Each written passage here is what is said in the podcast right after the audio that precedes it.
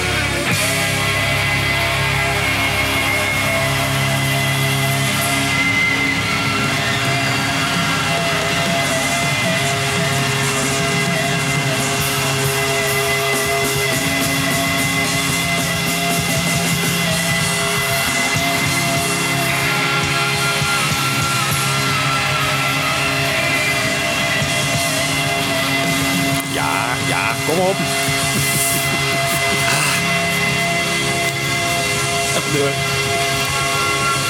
En... Yes! Fab Forecast. Ja, dat was een hele lange Zo. Wibo. Dat was Liverpool 1990. 28 juni, ik was erbij. Dus, Ja, jij was erbij, hè? Ja, ik was Wat erbij. cool, Eh, ja. Samen met Jos Remmenswaal en zijn vrouw Sonja, die we hier ook eh, een paar afleveringen geleden te gast hadden. Ja. En eh, we hebben genoten daar. Het was echt, het is McCartney in Liverpool. Hè? En dan is het zijn hometown. En dan maakt hij een extra lange eind eraan. Dus dat, eh, hij was helemaal opgetogen. Oh, what a party, schreef de Liverpool Echo de volgende dag. Het was echt geweldig. Maar ik zit hier met Michiel. en Wiebo? die jullie net al hoorden natuurlijk. Ja. Ja, we gaan het hebben over eh The End. The End? Ja. Is het dan ook The End van de Abbey Road Nee, shows? het is nog niet die end van die Abbey Road shows. Want ik dacht, nou ja, als ik, als ik hier aan begin, hè, dus eh, de- het is een, een, een vrij kort nummer eh, op Abbey Road, hè, een minuut of twee maximaal. Nou, en het zal een halve aflevering zijn, maar het is toch weer een hele aflevering geworden. En zelfs misschien bijna te veel voor één aflevering. Maar goed, we, we, we zien hoe ver we komen. Maar als jullie aan die end denken, ehm, Ja. Wat moet je daar nou over zeggen? Ik vind ik, taal even deze versie vind ik wel heel lekker. Wat ik, vind- wat ik heel grappig aan vind, de versie die we net hoorden, is dat het zo'n. Het is natuurlijk een gitaarfeest, één groot gitaarfeest. Maar je hoort ook echt een band spelen die op elkaar is ingespeeld en moet aanvoelen van wanneer komt het eind er echt aan. Hè? Ja. Dat is, eh, vind Ja. ik nog best een opgave volgens mij. Op een gegeven moment denk je van ja, volgens mij komt het nu. Want ik hoor dan Chris Whitten een beetje zo. eh, ja, eh, ja. Een beetje aan- naar een eind toe drummen, maar dan gaat toch nog even door. En dan Ja. komt het pianootje. En dan weet je van nu Ja, is het echt. ja, de pianootje, dat is bij elkaar niet zo. Hè. Hij gaat één keer de, alle toetsen langs. En dat betekent, nu is het Oh, afgelopen. dat Nu is het het. Ah, dat is het- dat is het signaal. Ja, dat is het signaal. Ja, ja, ja, ja, ja. Ja, en dat soort momentjes heb je altijd als band. Hè? Dat je gewoon weet van, nou, als iemand zoiets doet, dan weet, oh, dan moeten we gaan stoppen of naar het eind toe. Ja, maar hier speelde hij geen... eh, hè, eh, eh, Hij gaat heel snel van soleren dan naar, naar zijn pianootje toe, hè? Tenminste, kan ik me herinneren van ja, het toe. piano, maar dan uiteindelijk komt hij weer bij de gitaar terecht, toch? En hij eindigt, denk ik, nu met de gitaar, neem ik aan. Ik weet niet of hij dat nu doet, maar toen ging ze zijn met z'n drieën aan het soleren. Ja? En op een gegeven moment eh, hoor je, me- eh, gaat McCartney dus zijn gitaar wegleggen en die rent dan naar zijn toetsen. En die Ja. eindigt dan volgens mij op de toetsen. Ja, ja, dus het is niet eh Wix die dat pianootje speelt. Nee, volgens mij. of Dat, dat, of hij liep van Carry That Weight snel naar, eh, tijdens de drumsolo naar de gitaar toe. Dat, dacht ik. dat Ja, is het misschien dat- dat- geweest. dat ja. het is Dus het is Wix die toch eh, het einde eh, Ja. aankondigt. Ja. Ja, ja, maar normaal bij bijvoorbeeld Hey Jude doet hij, eh, hè, dan, dan, dan slaat hij één keer alle toetsen aan. Dan gaat hij met zijn hand over alle toetsen heen. En dat betekent, Oh, ja. dit is het einde van, nu moeten we afronden. Eh, hij deed dat bij Ringo met een gil. Dat zullen we ook nog horen. Goed, maar dat is wel heel grappig. Eh The End, ja, dit is natuurlijk een heerlijk nummer. En, en het was aan het eind van die, van die tournee, geloof ik. Hè, die Europese tournee. Dus eh, ze waren redelijk op elkaar ingespeeld. Hè. Ze Ja. waren al eh, een, een tijd onderweg. Hè. Eh, ik heb ze toen in Rotterdam een paar keer gezien. Dat was natuurlijk geweldig. Voor het eerst weer een hele lange tijd dat McCartney kwam. En dit was Liverpool. Dat was echt... Want jij bent in 76 niet geweest? Nee, of, eh? 76 niet. Nee. Nee. Maar Jos uh, Remswaal dus wel. En Ja. ik, ik ken verschillende mensen die... ook mensen die nog in Groningen zijn geweest en zo. Dus Oh ja, dit is ook geweest, ja. Ja, dat is toch... Grunnigan Ja, stond er in het boekje. Ja. Oh ja. ja.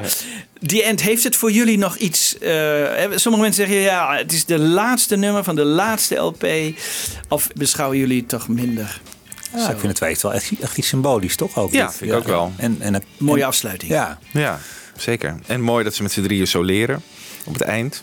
Je hoort echt de verschillende stijlen, hoor je gewoon duidelijk. Ja, komen we straks Ja, ook op. het is een, ook op. eh, ja, ik vind het een waardige afsluiter. Het is gewoon een mooi boekend. En eigenlijk wel jammer dat Let It Be er dan nog na komt. Want dit zou natuurlijk gewoon officieel dan als precies. laatste plaat. Want we gaan ook nog even vandaag nog een stukje naar Let It Be kijken. Een andere show over Phil Spector. En dat, dan is 1 april 1970 de allerlaatste opnamesessie voor een Beatles album. En wat is dat dan? Ja, Phil Spector in een studio met een heel orkest. en Ringo, die hem een beetje in toon moet houden. Weet je wel? Dat is gewoon niet... Daar heb ik liever dit gevoel. Ja, van, ja, ja. van die drie, drie mannen die lekker aan het soleren zijn. Ja. Ja, het was overigens niet de laatste opname hè, van eh, Abbey Road. Ik Nee, bedoel, eh, nee. En, en het heet ook Ending. Enfin, goed. Maar eh, wat was de bedoeling? Het zou, McCartney had bedacht, ik verzin iets na de long one. Hè, dus de lange medley op Abbey Road. En dan na Carry That Weight moeten we nog iets doen. Maar hoe eindigde Carry That Weight? Laten we daar nog even naar luisteren.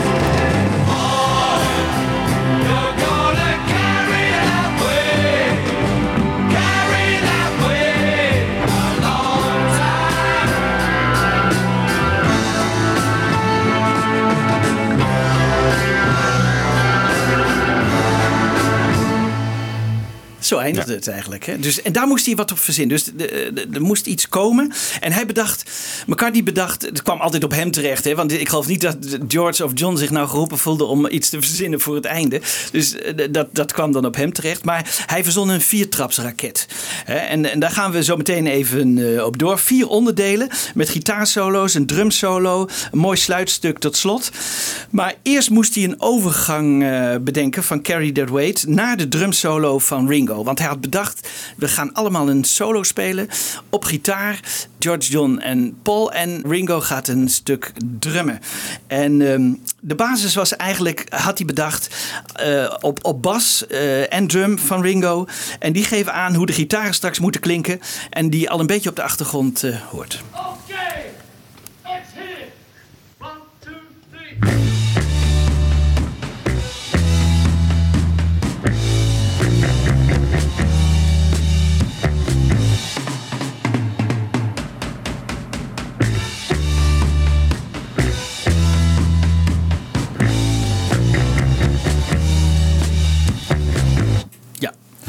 Dat is dus eigenlijk deel 1. En dan mag eh, Ringo komen met zijn solo. Eh, maar hierbovenop komen de gitaren van John en George.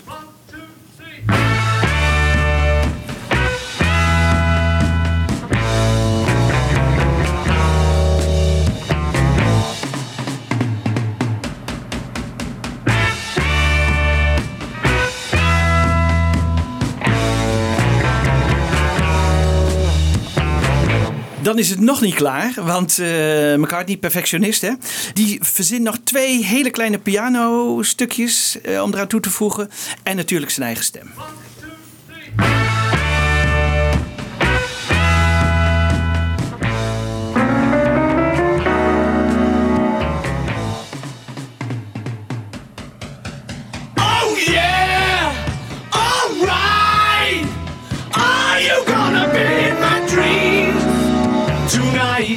Die stem die neemt hij later pas op. Oké, maar daar, daar komen we nog op terug. Eh, dan moet eh, Ringo met een drumsolo komen. Want eh, McCartney heeft bedacht dat eh, Ringo... die begint met een drumsolo. En daarna eh, komen wij met de gitaarsolo's. En Ringo had er niet veel zin in. En, maar kijkt toch wel met plezier terug. Yeah, you know, I'm not into drum solos, so um, you know, I don't know why I should change now. It was a really good one, though. oh yeah, 13 bars of it. 13 bars of it. ja. In, ehm, in take 3 doet hij nog een vrij simpele drumsolo, eerst in het begin. Maar dat is geen blijvertje. Je hoort Paul op de achtergrond schreeuwen ten teken dat ze met de gitaarsolo's op dat moment eh, erin willen komen. Dus eigenlijk de teken van Ringo, dit is het einde van jouw eh, drumsolo. Ja.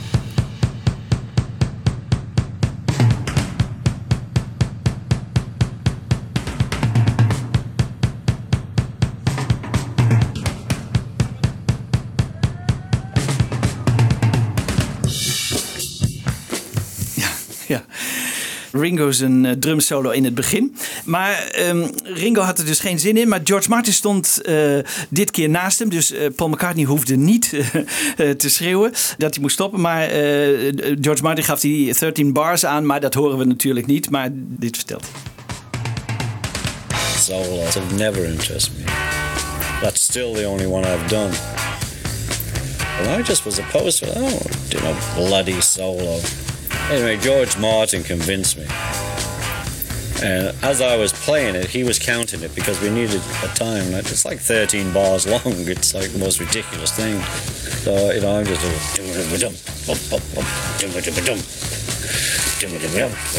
however it goes.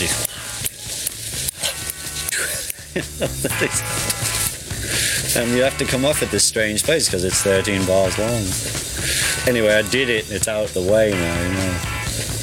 I'm pleased now that, okay, we've got one down, you know. Ik denk dat Ringo het enige weet dat het 13 bars was. Want het haalt hij zo vaak hè, in al die interviews. En zijn het ook 13 bars? Ja, dat zou kunnen. Dat, ja, nou, volgens mij eh, pas uiteindelijk. Maar weet je, oké, daar komen we later nog op terug. Want dat is wel interessant. Het is misschien langer geweest. Ringo had er waarschijnlijk geen zin in. eh, omdat dit technisch eh, kon hij het makkelijk aan. Maar hij had waarschijnlijk niet fantasie genoeg om zo'n drumsolo te bedenken.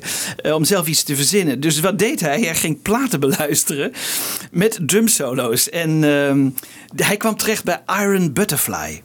Agada da Vida van eh, drummer eh, Ron Bushy.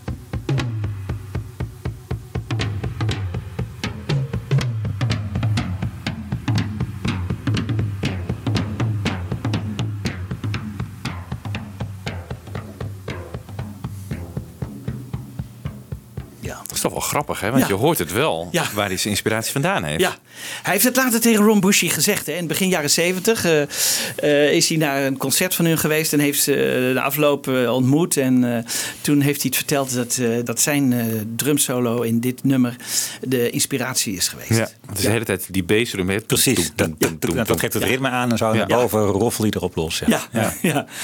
Paul McCartney herinnert zich ook nog de tegenzin van Ringo tegen die drumsolo's. We had to persuade Ringo to do a bit of a drum solo, and he hated drum solos. He says, "I hate solos, and I hate them."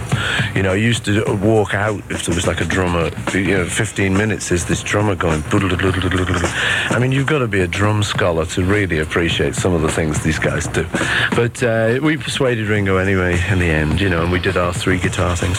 Ja, en dan eh, speelt Ringo en, en zijn drums wordt ook voor de eerste keer, dat is wel interessant, eh, op eh, Abbey Road in stereo uitgebracht.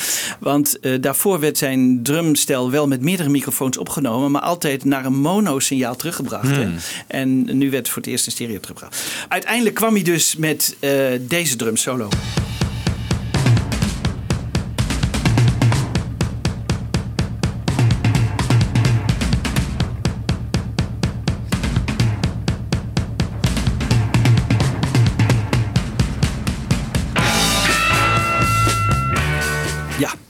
Vind het een prachtige drumsolo. Hoor, want het is eigenlijk heel melodisch gespeeld. Hè? Je kunt hem gewoon na doen in je hoofd. Ja, ja. Ja. Het is ja, gewoon eigenlijk een, een melodie op drums. Dat vind ik Ja. heel knap. Zou, zou die moeilijk zijn om ja te dat was mijn vraag. Nee, hij is niet zo moeilijk. Oh nee. Nee, nee, het is niet hè? zo heel moeilijk hoor. Maar gewoon ja, eh, dat Ja. maakt niet uit. Ja, Toen wij de analog zagen in Ziggo, was het toch een beetje anders voor... eh Was het man? moeilijk voor, eh Voor eh, ja, onze Fred. Fred Gering? Fred Gering, ja. Ja. ja. Hij heeft het ook later ruidelijk toegegeven op Twitter. Dat vond Ja. ik heel eh, Ja. nobel van Ja. hem. Maar het ging mis. Ja. Ja, het ging mis. Ja, het ging mis. Dat Hmm. Misschien was- toch moeilijker eh, dan ik denk. Maar, Maar heeft hij nou dit, eh, deze, want hij, je laat hem nu eens geheel horen. Is er nou in geknipt of niet? Nou, waarschijnlijk wel. Kom ik later op terug. Dat vind ik Ja. een leuke opmerking. Eh, Ik kom er later op terug, want Bob de Jong denkt dat er in geknipt is. Dus, maar da- da- da- daar komen we later even op terug. Maar eh eh, Agada de Vida is dus niet helemaal het origineel. Want die gaat nog verder weer terug. Want die is weer gejat van een serie. The Girl from Uncle. Je had The Man from Uncle en je had The Girl from Uncle. Een aflevering uit december 1966. En de jungle muziek is van Dave Grusin. I would be honored to marry you, Nikki.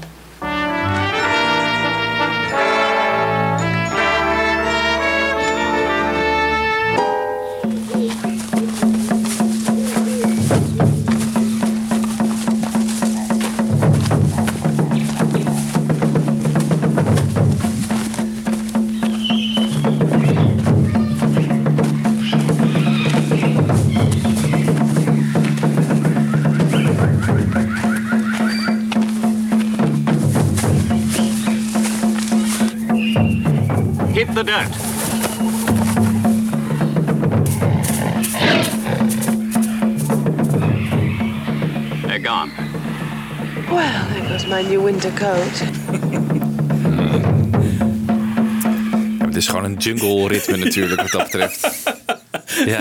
Ik hoorde hier Ringo in de jungle eigenlijk. Ja. Ja, nou ja, eh, is het allemaal niet zo bijzonder misschien? Eh, nou ja, in ieder geval, eh, de, de mensen die- zeggen, nou, dit- dit zou heel goed hierop gebaseerd kunnen zijn. Ik vind Ja. het wel een interessante Maar dit is ook weer gebaseerd op oude ritmes, denk ik, van... Uit de jungle. Uit de jungle, ja. Jungle. Goed. We hebben dus nu twee delen gehad hè, van de viertrapsraket. En McCartney verzon nu de backing track... waarover ze later de gitaarsolo's konden spelen. Hè? Want hij wilde dus na Ringo met die gitaarsolo's komen. Het bleek later helaas wat te kort, maar daar komen we, komen we nog op terug. Je hoort achterin volgens zijn eh, basgitaar hè, als basis... en John Lennon op gitaar overgaande in de uiteindelijke mix met een eh, grappig einde.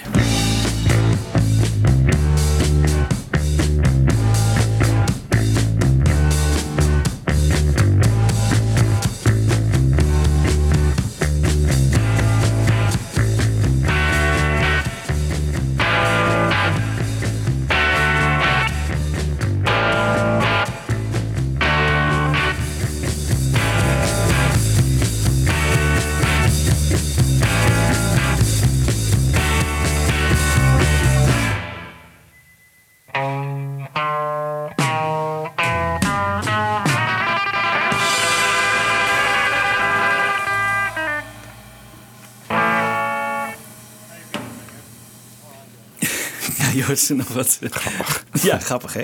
Dus hier, hier eindigt het mee. Maar hier eindigt het eigenlijk niet mee. Want later op die dag, die 23 juli 1969...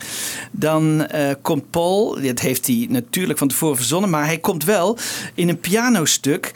In hetzelfde ritme eigenlijk eh, begint hij als Ringo zijn solo.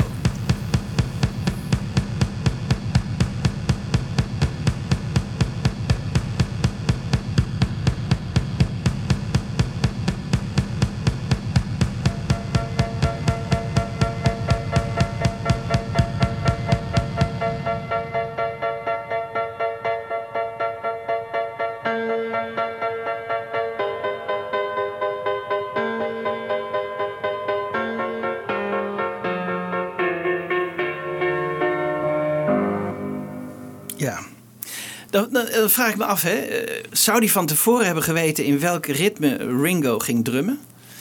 Of zou hij dit ter plekke hebben verzonnen? Hmm, geen idee. Ja, dat is eh, altijd de vraag natuurlijk bij McCartney. Of heeft hij dit geïmproviseerd? Had hij misschien een wat langzamere? Ik zou natuurlijk allemaal kunnen. hè. Ik bedoel, Maar je weet eh, niet of dit later is gecomponeerd dan eh Nee, dat dat, weten, we- dat weten we niet. We weten niet, eh, maar het wel op dezelfde dag opgenomen als eh, Ringo's een drumsolo. Dus, eh, Maar het lijkt me sowieso een nummer dat je echt in de studio componeert. Eh, eh, toch, het is niet een schrijfsessie geweest of zo. nee, dat, lijkt me ook, nee. dat lijkt me ook niet. Dat is waar, daar heb je gelijk in, eh, Michiel. Eh, maar hier zat een addertje onder het gras, hè? Want als je het speelt op een normale piano in de dichtstbijzijnde toonsoort, dan kwam die waarschijnlijk hierop uit.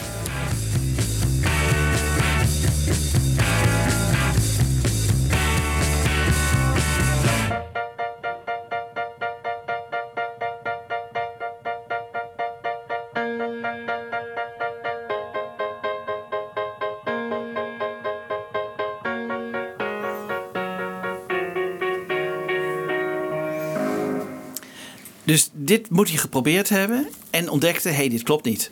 Want het matchte niet met de iets ontstemde gitaren Ah. van de Beatles. Hè? Dus eh, van eh, John waarschijnlijk. Die, eh, dus, dus, dus hij moest iets verzinnen. Want stel dat ze hierbij zou hebben gezongen. Nou, je, het doet gewoon pijn aan je oren.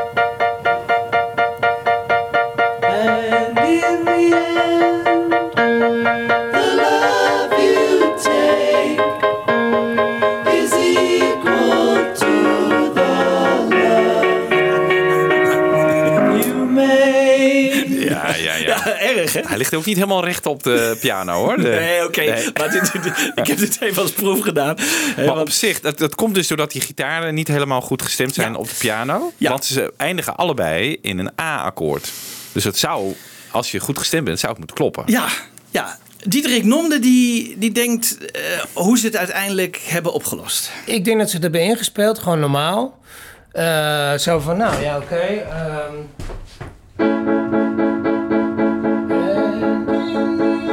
dat, ze, toen dachten, toen ze hadden gespeeld. Maar in ieder geval, dat, dat ik denk Paul gewoon dacht van, het is net te langzaam eigenlijk. En toen hebben ze het gewoon net iets gepitcht. Gewoon de, gewoon de, de, de, de, de band sneller gezet. Ja, hè? En dat is wat je hoort. Ja, ja. Ja. Ja. Oh, Jan Kees op de achtergrond. Ja, nee, ja. Want, eh, Ja. want dat had ik nooit ergens gelezen. Ik had nooit gelezen dat ze die, die piano gepitcht hebben. Dus dat ze, eh, ze hebben hem waarschijnlijk sneller opgenomen. Maar het is ook heel ingewikkeld voor Paul geweest dan. Want hij moest wel het ritme een beetje van Ringo aanhouden. En als je hem sneller speelt, of sneller opneemt. En hij is langzamer af, dan ga je dus ook weer langzaam. Dus hij Ja. heeft weer sneller. Nou, het is echt. eh, luister nu even naar het volgende. Hè, want eh, naar- niet naar de gitaar van Len op de voorgrond, maar de achtergrond. Je hoort dat Paul al begint te spelen voordat hij er echt in komt. Dus dat vind ik ook leuk. Hij speelt al mee met Lennon eigenlijk. En waarom we dat nog steeds kunnen horen op de 5.1 is mij echt een raadsel. Waarom ze dat mee hebben gemixt. Want meestal worden altijd die foutjes weggemixt. Maar in dit geval is het toch leuk dat we het kunnen horen.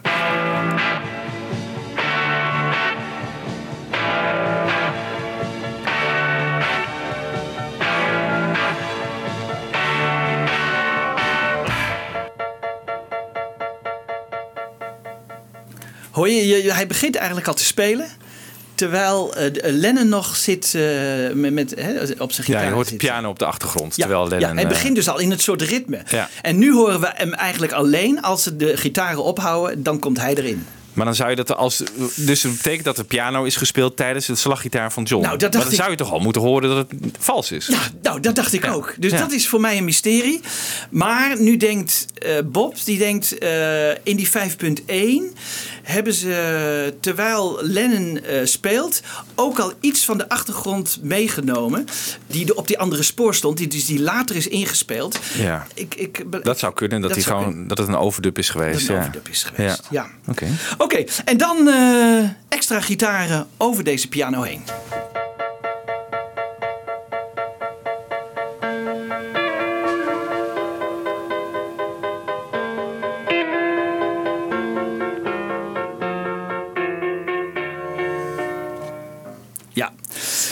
Dan tot slot nemen ze op die dag, en dat is echt, ik denk dat jullie het met eh, Diederik eens zijn, dat die, die laatste lik van die gitaar, hè, eh, die op het, helemaal op het eind gespeeld wordt, dat die schitterend is.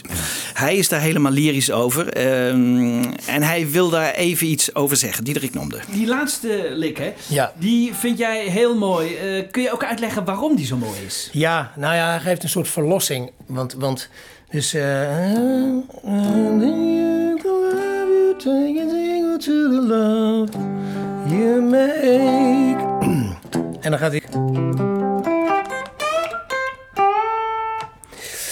Ja, de melancholie erin, de hele... de- Je echt van... Ah. Ja, en dan ook nog deze.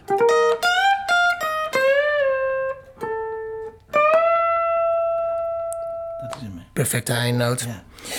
Gespeeld door?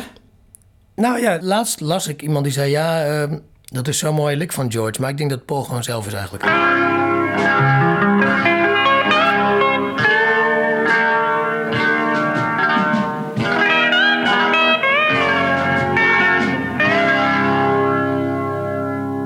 Maar een, een mooie en waardige afsluiting van de Ja, ik, ja, het is toch waanzinnig. En, en dan inderdaad die lik waar we het net over hadden... die dan zo helemaal alles openbreekt... alsof er een soort... Ja, weet je wel... Wat je dan in film, films altijd ziet, dat dan de hemel openbreekt. Nou, dat, dat is in muzikale zin, is, daar zijn ze goed in geslaagd.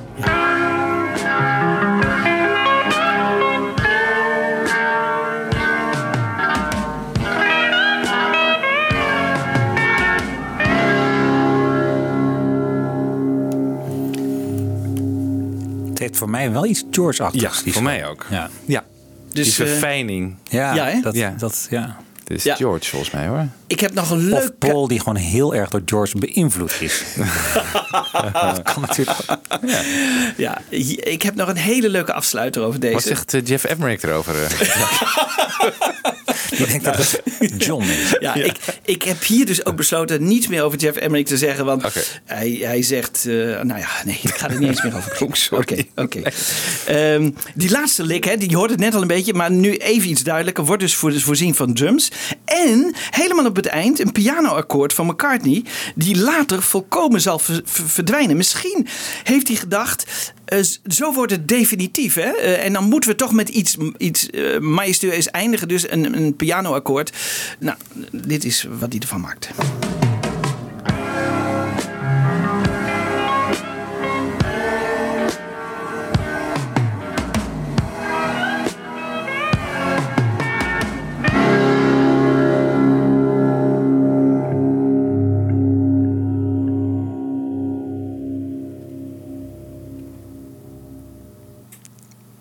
Het is alsof we in de piano luisteren hè, van, eh, van McCartney. Ik vind het wel heel interessant.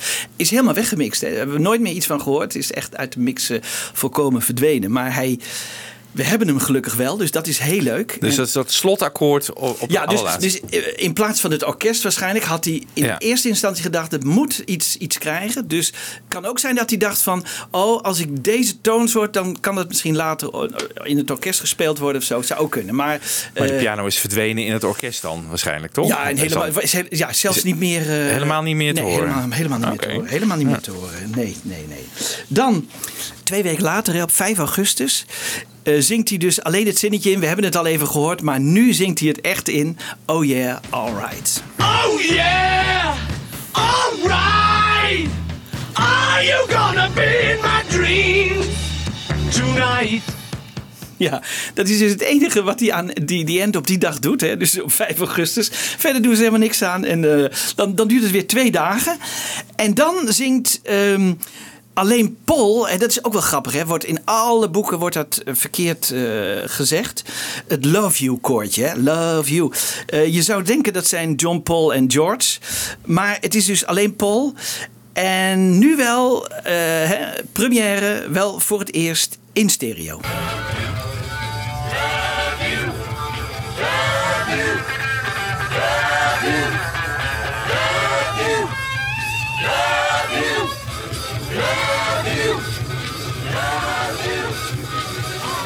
De mensen die het wel eens goed hebben beluisterd, die horen een hele hoge stem daartussenin, hè, tussen die Love You.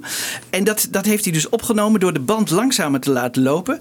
En eh, Bob lukte het niet om het helemaal los te krijgen. Toen heb ik eh, Hans Zimmerman gevraagd van, eh, van de omroep hier. En die heeft hele goede apparatuur en goede programma's. En die heeft dus McCartney een beetje eruit gehaald. Die hoge stem van McCartney heeft hem weer vertraagd. En let dus niet op die langzame, veel te langzame, lage stemmen, maar op die normale stem. Want dat is McCartney die eigenlijk hoog inzingt.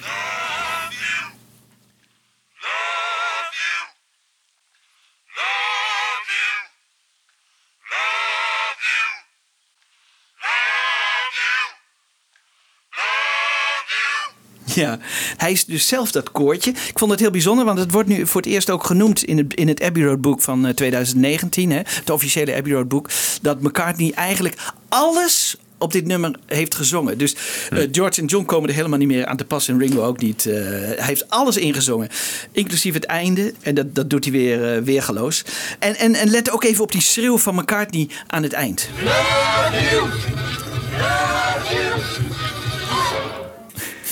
Oh, ja, ja, dat is echt. Uh, ja. Uh, dan op 7 augustus nog steeds, hè, de dag voor de beroemde zebrafoto. Dan spelen ze de solo's uh, in. Een idee dat van Paul komt. dat hoor je John hier ook zeggen. Paul gave us each a solo. Dus dat, dus dat is wel heel erg leuk. It's a nice little bit I played ahead on the back of Abbey Road. Paul gave us each a piece. You know, there's a little break where Paul plays, George plays, and I play. Jeff Emmerich zegt dus dat is een idee van, uh, van uh, George. Maar goed, gaan we niet op in. Goed, uh, ik heb ze iets in overdreven stereo gezet. In volgorde. Links Paul, midden George en rechts John.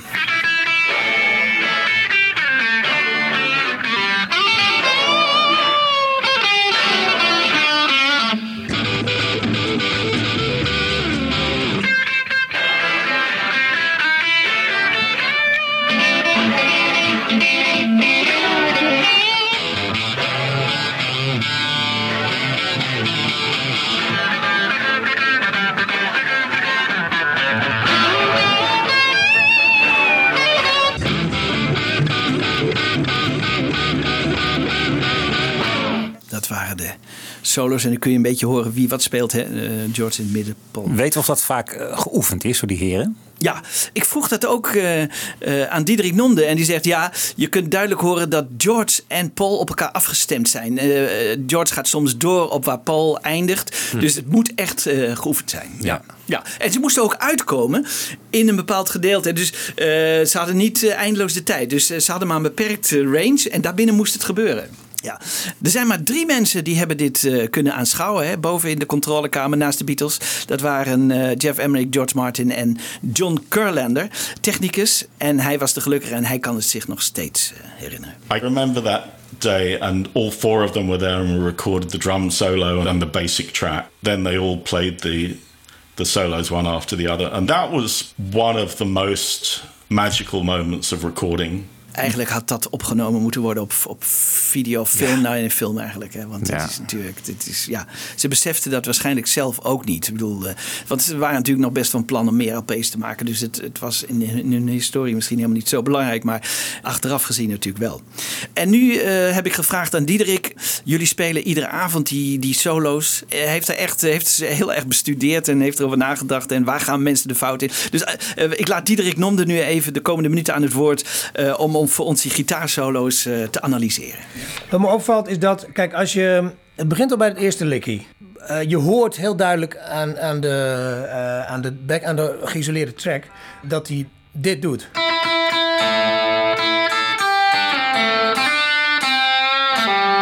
Dat hij hem ook echt zo.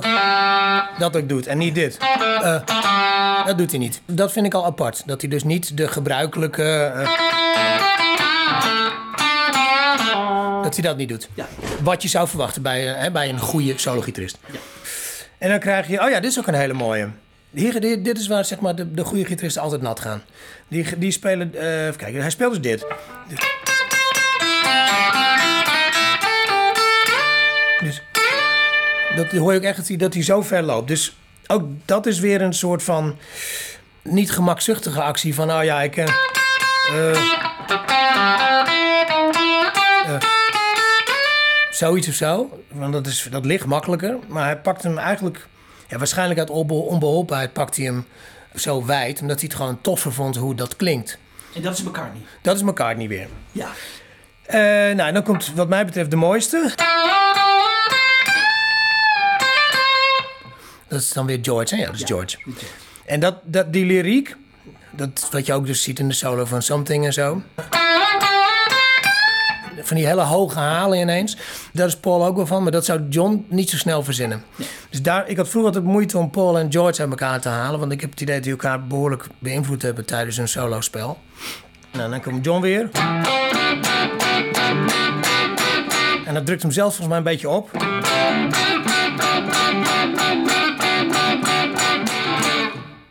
En dat is hem dan. Gaat het bij jullie altijd goed? Eh, nee. Ik, want ik heb dus deze. eh, dat, dat vind ik echt een heel moeilijke. Vooral het. Dat, dat, daar zit hem. Daar, daar ga ik regelmatig de mis mee in. Ja. Maar goed, dat is. eh, ja. Doe ik ook wel eens. Dat ja. zit er dan niet in. Ja, dus hoe je over zo'n gitaarsolo... weet, vind ik wel grappig hoe zo'n hoe zo'n gitarist daar dan over spreekt. En die dan avond aan avond eh, Ja. die gitaarsolos moeten spelen. Want McCartney met zijn band, die, die improviseren er wat op los. Hè? Ja. Die doen het niet... eh, ja. ook die, die wisselen elkaar niet af. Die gaan gewoon lekker dwars door elkaar heen. door elkaar heen, ja. Ja, is het zo? Ja, wat ik aan het begin hoorde. Ja. Wat ik, ik, daarom zei ik ook, het is een gitaarfeestje. Het is gewoon allemaal hop op. Ja, je hoort af en toe een, een likje waarvan je denkt, Ja. oké, dit herken ik dan wel. Maar Ik kan me uit die Get Back concertfilm herinneren. Dat Paul ook wel aanwijst van nou, nu ben jij en nu ik. En dat dat we echt wel een afwisseling is hoor, tussen die drie. Dat kan misschien de tweede band zijn geweest. Dit was met Robbie en dit was dan met, ja, dit was dan met Robbie en ja, je moeten- inderdaad de track die je aan het begin draaide van deze show, Ja. dat gaat gewoon dwars door elkaar heen. Ja. dat heb ik ook gehoord. Ja, en dan krijgen we dus die beroemde zin van Paul McCartney. Hè, and in the end. Hè.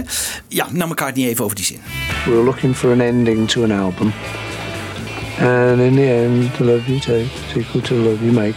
Just came in to my head. And, uh, you know, just to recognize that, oh, that's a good end to an album. Because, you know, all you need is love. Still, still is what you need. There ain't nothing better. I don't think there ever will be. Ja, hij, hij deed inspiratie op bij eh, Shakespeare.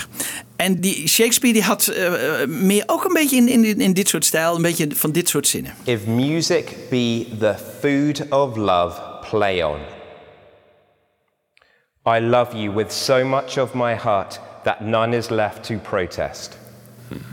Ja, ik, ik, ik, ik zocht, ik, ik denk, maar nou misschien kan ik iets vinden, want ik ben overal op love gezocht en zo, weet je wel.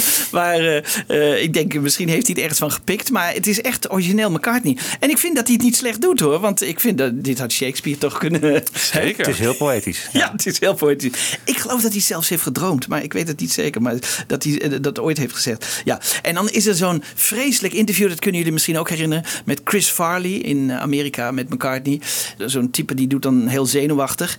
En, ehm, en McCartney die houdt zich heel kranig. Uh, remember when uh, you were in the, the Beatles and uh, you did that um, album Abbey Road, and uh, at the very end of the song, uh, it was, song it goes, uh, and in the end, the love you take is equal to the love you make. Uh, is that true?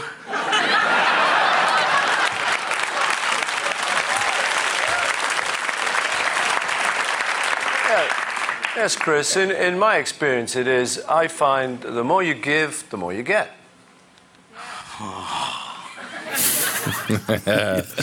is dat niet van Saturday Night Live? Ja, toch? Saturday Night Live, ja, Chris Farley.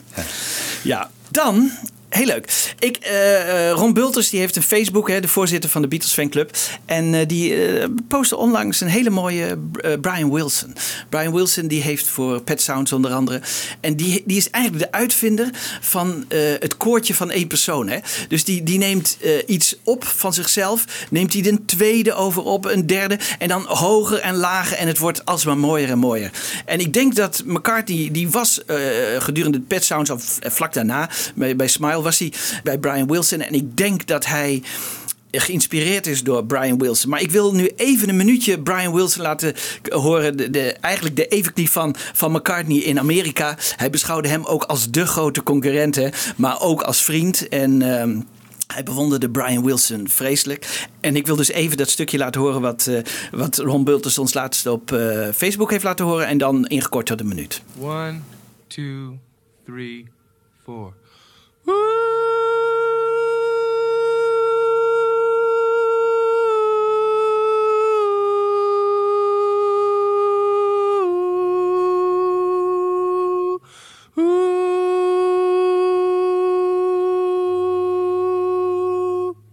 Okay, let's overdub that voice.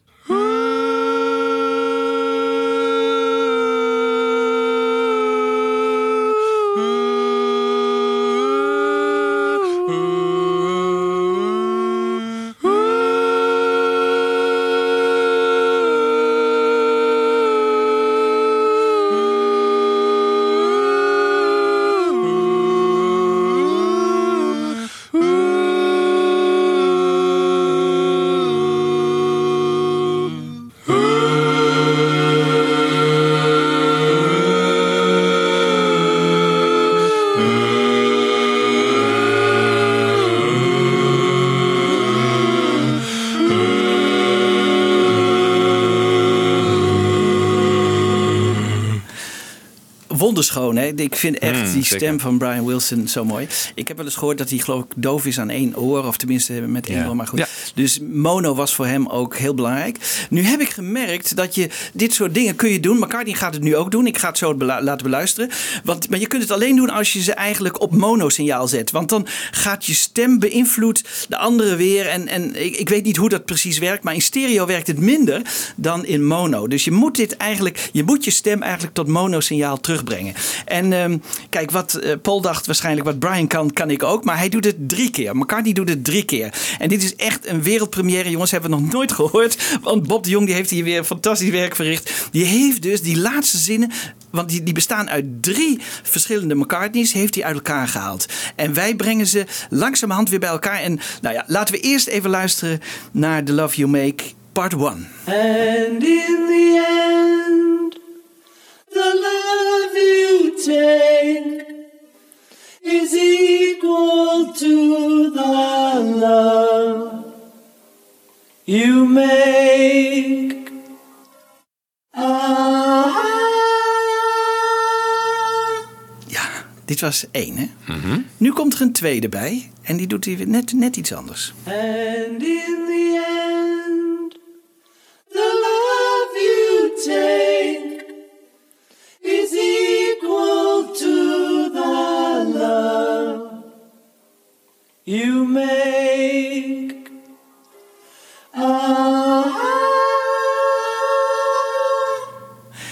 Schitterend. Ik, ik, ik raak hier bijna ontroerd van. En dan eh, de derde, als laatste, doet hij de derde stem erbij. And in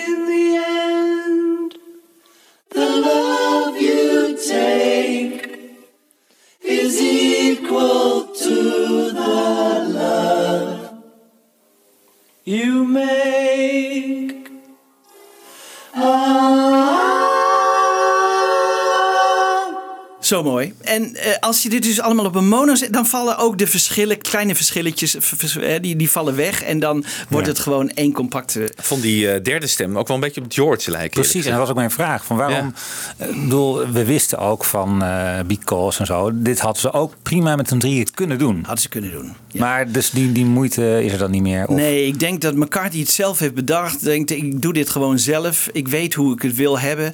George was toch een minder, iets mindere zanger dan Paul. Dus Paul die wist precies hoe hij het wilde hebben. En als, als het dan misschien niet zo zou worden zoals ik vermoed dat hoor. Maar Ja. hij heeft het in ieder geval wel allemaal eh, zelf gedaan volgens eh, de laatste gegevens. En ik denk ook dat dat zo is, dat, dat dit hele nummer eh, door Paul is ingezongen. Maar ja, wel heel mooi gedaan. En ik, ik vind het heel bijzonder dat we dat nu voor het eerst ter wereld los horen. Ja, goed. Dan vraagt eh, McCartney aan George Martin om ook bij eh, het stuk hè, een, een orchestratie, een arrangement te schrijven. Hij, eh, McCartney eh, gaf vaak aan op piano aan George Martin hoe dat zou moeten klinken. Eh, maar dat hebben we niet. Dus ik vroeg aan Diederik Nomde hoe zou McCartney hebben kunnen aangeven wat hij wilde op het eind van The End.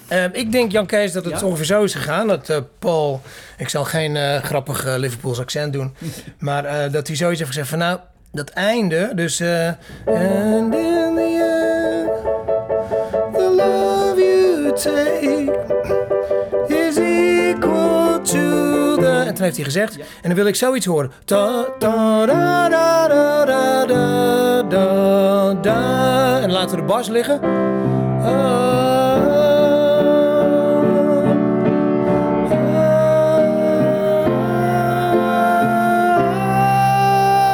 Zoiets heeft hij moeten zeggen gezegd waarschijnlijk. En misschien heeft hij het dan hier gespeeld.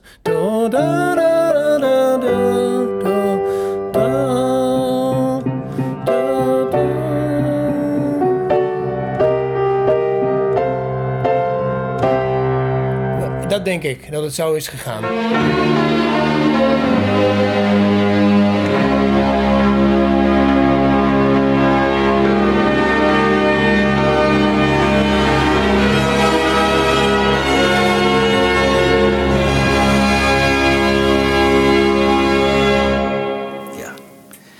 Majestueus einde. Dank Diederik hiervoor. Maar er ging iets mis bij de opname. Waarschijnlijk door een dirigeerfout van George Martin was het orkest iets te laat. En als het één keer op tape staat, dan is het heel moeilijk. Tegenwoordig kun je met computers kun je zo even een, een, een spoor eh, wat achter of daarvoor leggen. Maar dat kon in die tijd niet. En ze ontdekten de fout toen ze gingen mixen. En we hebben gelukkig die mix waar dat fout ging. Dus luister goed. Hier hoor je het orkest te laat. En dit, dit vonden de Beatles echt niet kunnen. Moest van alles aan gebeuren. Dit ging er fout. is to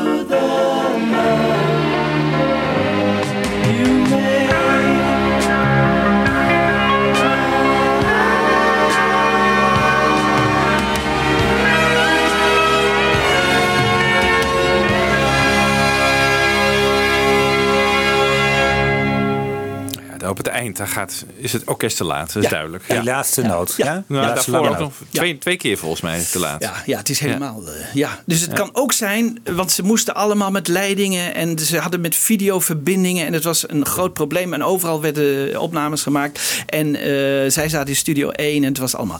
Dus het kan best zijn dat, eh, dat het aan de techniek heeft gelezen of dat George Martin iets te laat Ja. is ingekomen. Want het andere ging wel goed, want er is nog een stukje.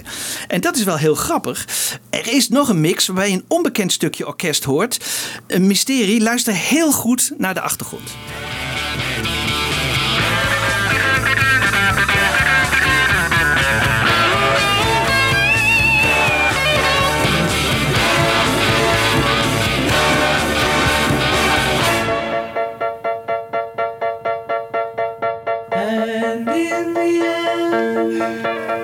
Wat blazen ze zo aanswellen. Ja. Ja, daar is dus gespeeld. En het grappige is, hè, jongens, eh, als je het boek hebt, ik eh, nodig de luisteraars even uit om eigenlijk het boek bij, bij- erbij te pakken van de Abbey Road eh, sessies. En dan zie je op pagina 57 een partituur staan. Iedereen denkt, oh die partituur dat is van The End, hè, dus dat is wat, wat we altijd horen. Maar dat, die partituur is van de verdwenen, van, van het verdwenen stukje orkest. Dus dat ontdekte Bob. En ik zeg tegen Bob, nou speel even op een synthesizer of zo. Wat jij daar dan, eh, wat, wat, wat je dan krijgt. Dus nou ja, heeft een stukje even op synthesizer voorgespeeld.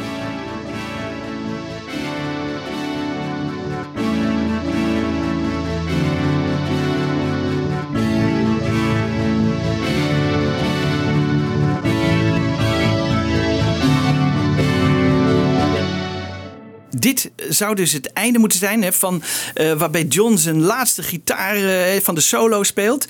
En dan zou het, eh, als je dat, dit er even onder zet, hè, laten we even vanuit gaan dat dit een beetje een orkest is, maar dan moet het ongeveer zo hebben geklonken, reconstructie.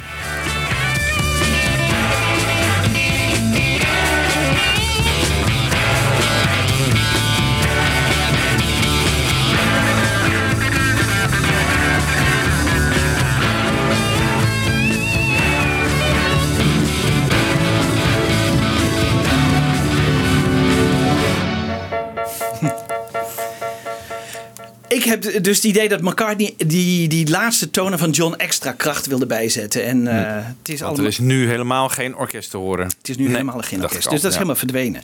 Ja. Ja, Dan proberen ze dus verschillende dingen in de mix. Bijvoorbeeld John die al iets op zijn gitaar speelt. Terwijl Ringo nog met zijn drumsolo eh, bezig is. Eh, goed, dat kan natuurlijk altijd weg. Maar volgens McCartney beginnen ze te snel na de drumsolo met hun gitaarsolo's. Luister.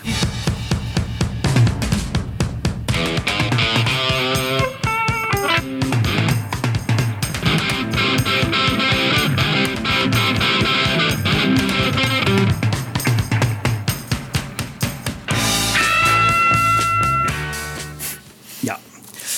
Als eerste zegt McCarthy: wil ik dat deze eh gitaarhalen weggaan.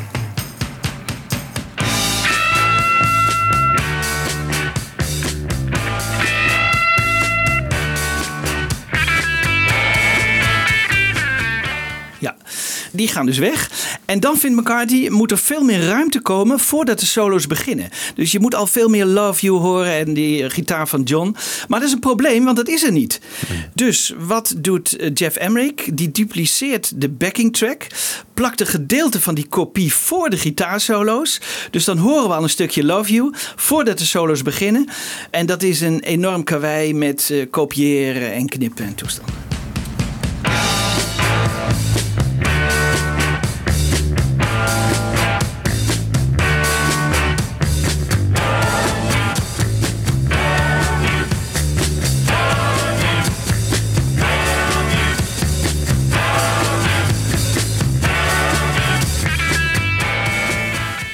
Wat dan wel grappig is, is dat ik de hi-hat van Ringo wel meer open hoor dan net na dat de solo. Dus je, zegt dat het eigenlijk twee gedeelten zijn die gekopieerd worden. Ja? Maar ik kan me vergissen hoor, misschien nog even een keer luisteren. Ja? Maar dat de hi-hat van Ringo, naarmate naar die solo toe gaat, meer open gaat. Ja. Misschien dat dat een overdub is geweest nog, maar... Ringo heeft later nog drums ingespeeld. Oh, ja.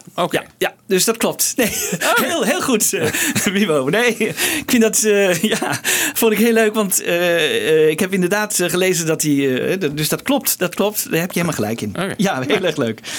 Waarschijnlijk ook om misschien om, om het wat te verbloemen. Ik weet het niet. Dan is er nog een mysterie in dit hele verhaal. Want op het eind wordt er 36 seconden uitgeknipt.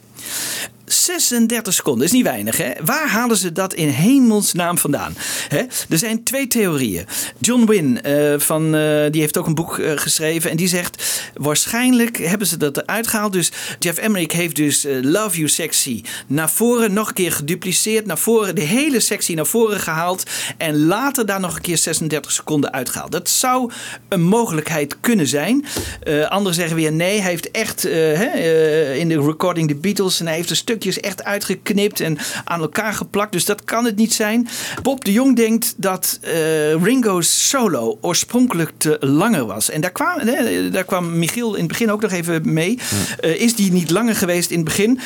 Eh, dat zou heel goed gekund hebben. En Bob heeft onderzoek gedaan naar Ringo en Iron Butterfly. En als Ringo Ron Bushy redelijk nauwkeurig heeft gevolgd, dan zou de originele Ringo solo ongeveer zo hebben moeten klinken voordat de 36 seconden eruit gehaald zijn.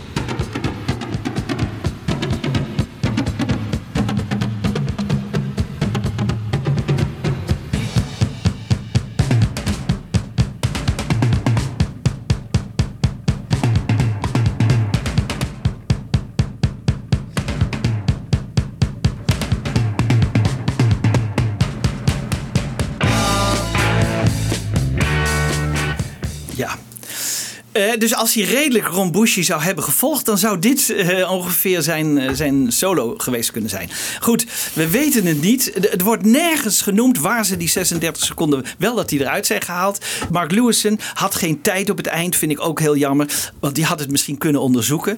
Die had misschien kunnen kijken in de tape waar zitten, waar zitten lassen. Hopelijk wordt het ooit nog eens een keer opgelost. Het wordt ook niet genoemd in dit boek, maar dat er 36 seconden zijn uitgehaald, weten we wel zeker. Goed, ik kreeg nog een laatste bericht van eh, Bob. En die zei: Stop de persen, kan ik nog iets toevoegen? Nou, ik zei: Als het leuk is, altijd. En het was heel leuk. Want eh, we hebben het net gehad over die prachtige gitaarsolo op het eind. Hè? Waarschijnlijk bedacht en gespeeld. Misschien door George Harrison, maar in ieder geval, wij denken toch wel bedacht door McCartney. Maar wie schetste zijn verbazing als je de gitaarsolo van Something, waarvan we denken dat die in grote waarschijnlijkheid dus ook door McCartney is gecomponeerd, een beetje indikt en op de goede toonhoogte zoekt. En dan krijg je dus eh, het volgende. Luister.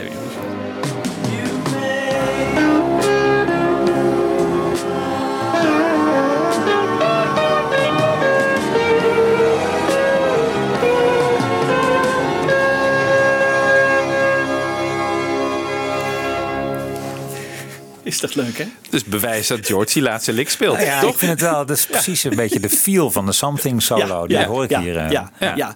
Maar ik denk wel, hè, ik, bedoel, ik, ik ga met jullie mee, maar ik denk dat het gecomponeerd is door McCartney. Ja, dat denk ik maar, echt. Nou ja, goed. Ik denk gespeeld door George. Ja, ik dat, vind die daar ga, ik- daar ga, ik, daarin- ga ik mee Ja. met jullie, maar... eh, eh, Maar in dat boek, hè, dat je hebt het eh, naast je Ja? liggen. Maar wat, wat staat daar bijvoorbeeld over de vocalen en zo? Staat daar alleen bij McCartney? Ja, alleen McCartney. Ja. Dus geen George. Harrison nee, nee, backing George- vocals? Nee, nee, nee, nee. Tot nu toe werd het altijd genoemd, eh, ja. ja. Maar dat is dus... eh, we hebben het nu uit elkaar gehaald. Jullie zeiden nog één zou George nog kunnen zijn, maar het, het is wel, wel... Ja, nee, ik denk echt dat het klopt wat, eh wat Howlett zegt. Ja. Ja. Ja, en dan wordt er altijd gedacht: eh, dit was het laatste nummer van de laatste LP voor het laatst samenspelen. De Beatles hebben gerealiseerd: dit was die end.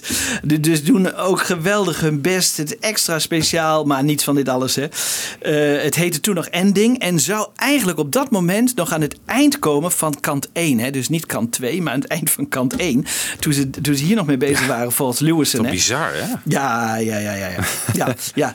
En dat wordt ook eh, bevestigd door Ringo, die niet betrapt kan worden op een heel goed geheugen, maar dit weet hij toch wel zeker. No, it's always a possibility, though. You know, we could have carried on.